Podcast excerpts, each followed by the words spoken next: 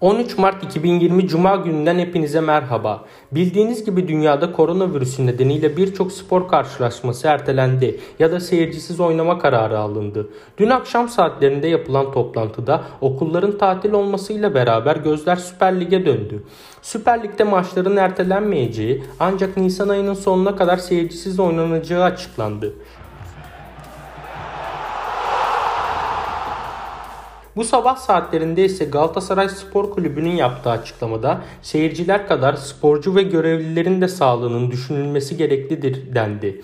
Bu nedenle dünyadaki birçok lig gibi bizim ligimizin de ertelenmesi gereklidir açıklamaları yer aldı.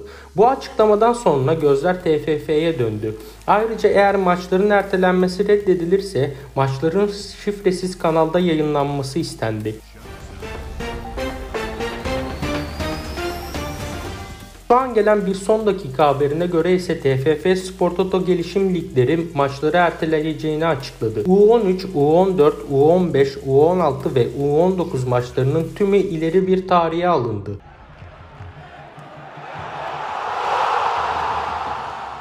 Bugün oynanacak Kasımpaşa Göztepe maçı eğer ertelenmezse 20'de İstanbul'da oynanacak.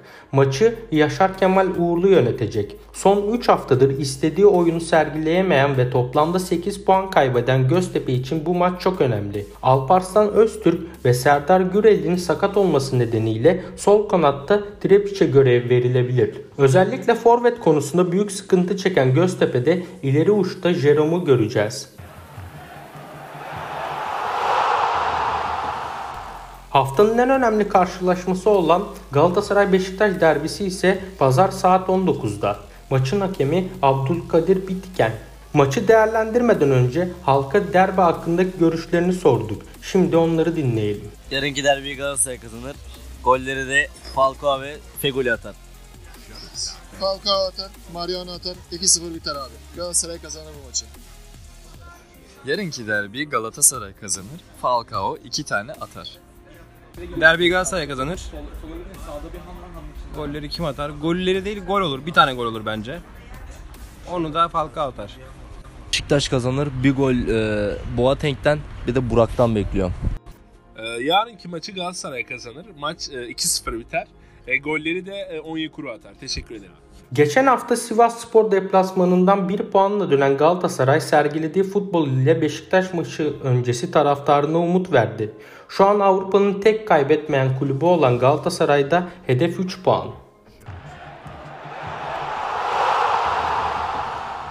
Şampiyonlar Ligi ve Avrupa Ligi ise bu hafta oynanan maçların ardından ileri bir tarihe ertelenecek. Avrupa Ligi'ndeki tek temsilcimiz Başakşehir çeyrek final ilk maçında Kopenhag'ı Edin Visca'nın tek golüyle 1-0 yenerek yarı final kapısını araladı.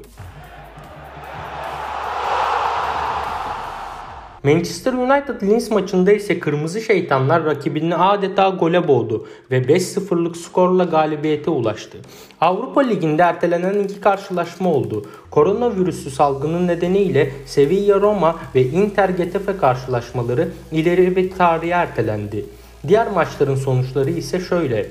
Frankfurt 3, Basel 0, Wolfsburg 1, Shakhtar 2, Ranger 1, Leverkusen 3,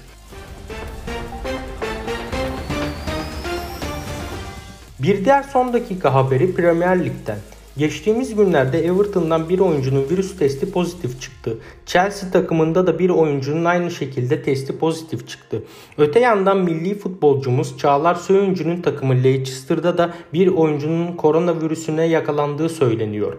Manchester City'de de ismi basına yansımayan bir oyuncu virüse yakalandı. Bugün aldığımız bir habere göre Chelsea'de oynayan Hudson'ın testinin pozitif çıkması neticesinde antrenman tesisleri kapatıldı. Bu olayların ardından Premier Lig'deki tüm maçlar ertelendi. Virüs salgınının yoğun şekilde görüldüğü İtalya Ligi'nde de maçlar ertelendi. Dün öğlen saatlerinde Juventus'un stoperi Rugani'nin testi pozitif çıktı. Bunun üzerine tesisler kapatıldı. Cristiano Ronaldo annesinin felç olması nedeniyle ülkesi Portekiz'e döndü ve yaptığı açıklamada İtalya'ya bir süre dönmeyeceğini açıkladı.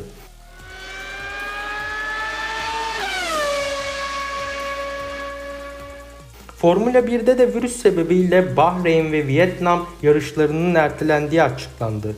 Formula 1 sezonunun Haziran'da açılması bekleniyor.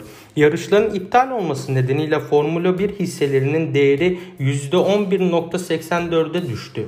Bu sabah ise McLaren takımından 14 kişinin koronavirüsüne yakalanmasıyla birlikte McLaren takımı yarıştan çekildiğini açıkladı.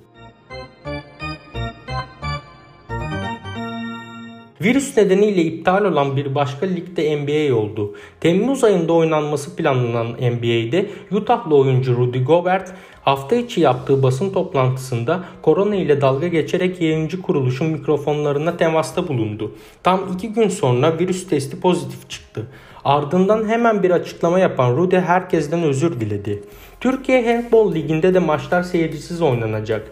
Milli oyuncu Doruk Pehlivan Avrupa Handball Federasyonu'nun internet sitesinde yer aldı ve ne kadar gelişme gösterdiğimi herkese kanıtlamak istiyorum dedi.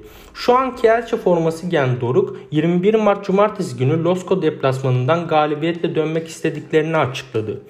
Bugünkü soru cevap köşemizde Ege Üniversitesi tenis antrenörü İrem Hanım var. Röportajı dinliyoruz. Öncelikle merhabalar İrem Hanım.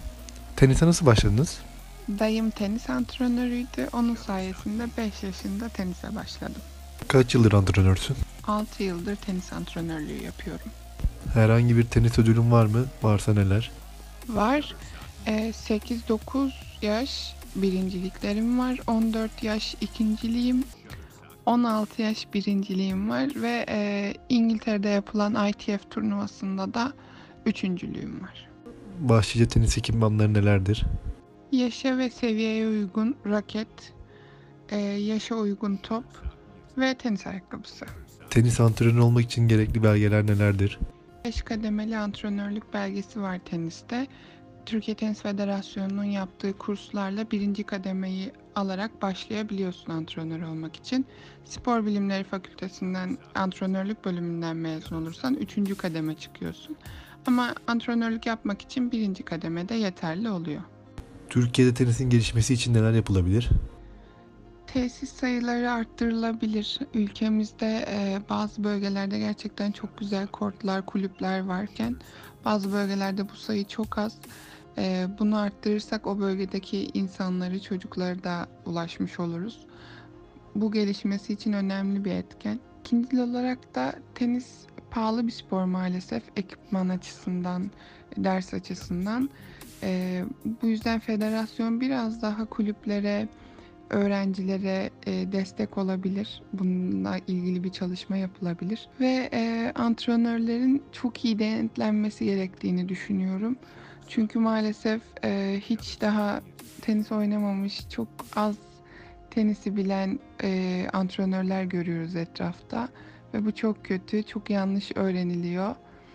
E, bu şekilde de gelişim sağlanmıyor zaten. Bu yüzden antrenörlerin çok iyi bir eğitimden geçmesi ve düzenli olarak e, denetlenmesi gerektiğini düşünüyorum. Spor dünyasındaki gelişmeler bu şekildeydi. Mutlu hafta sonları.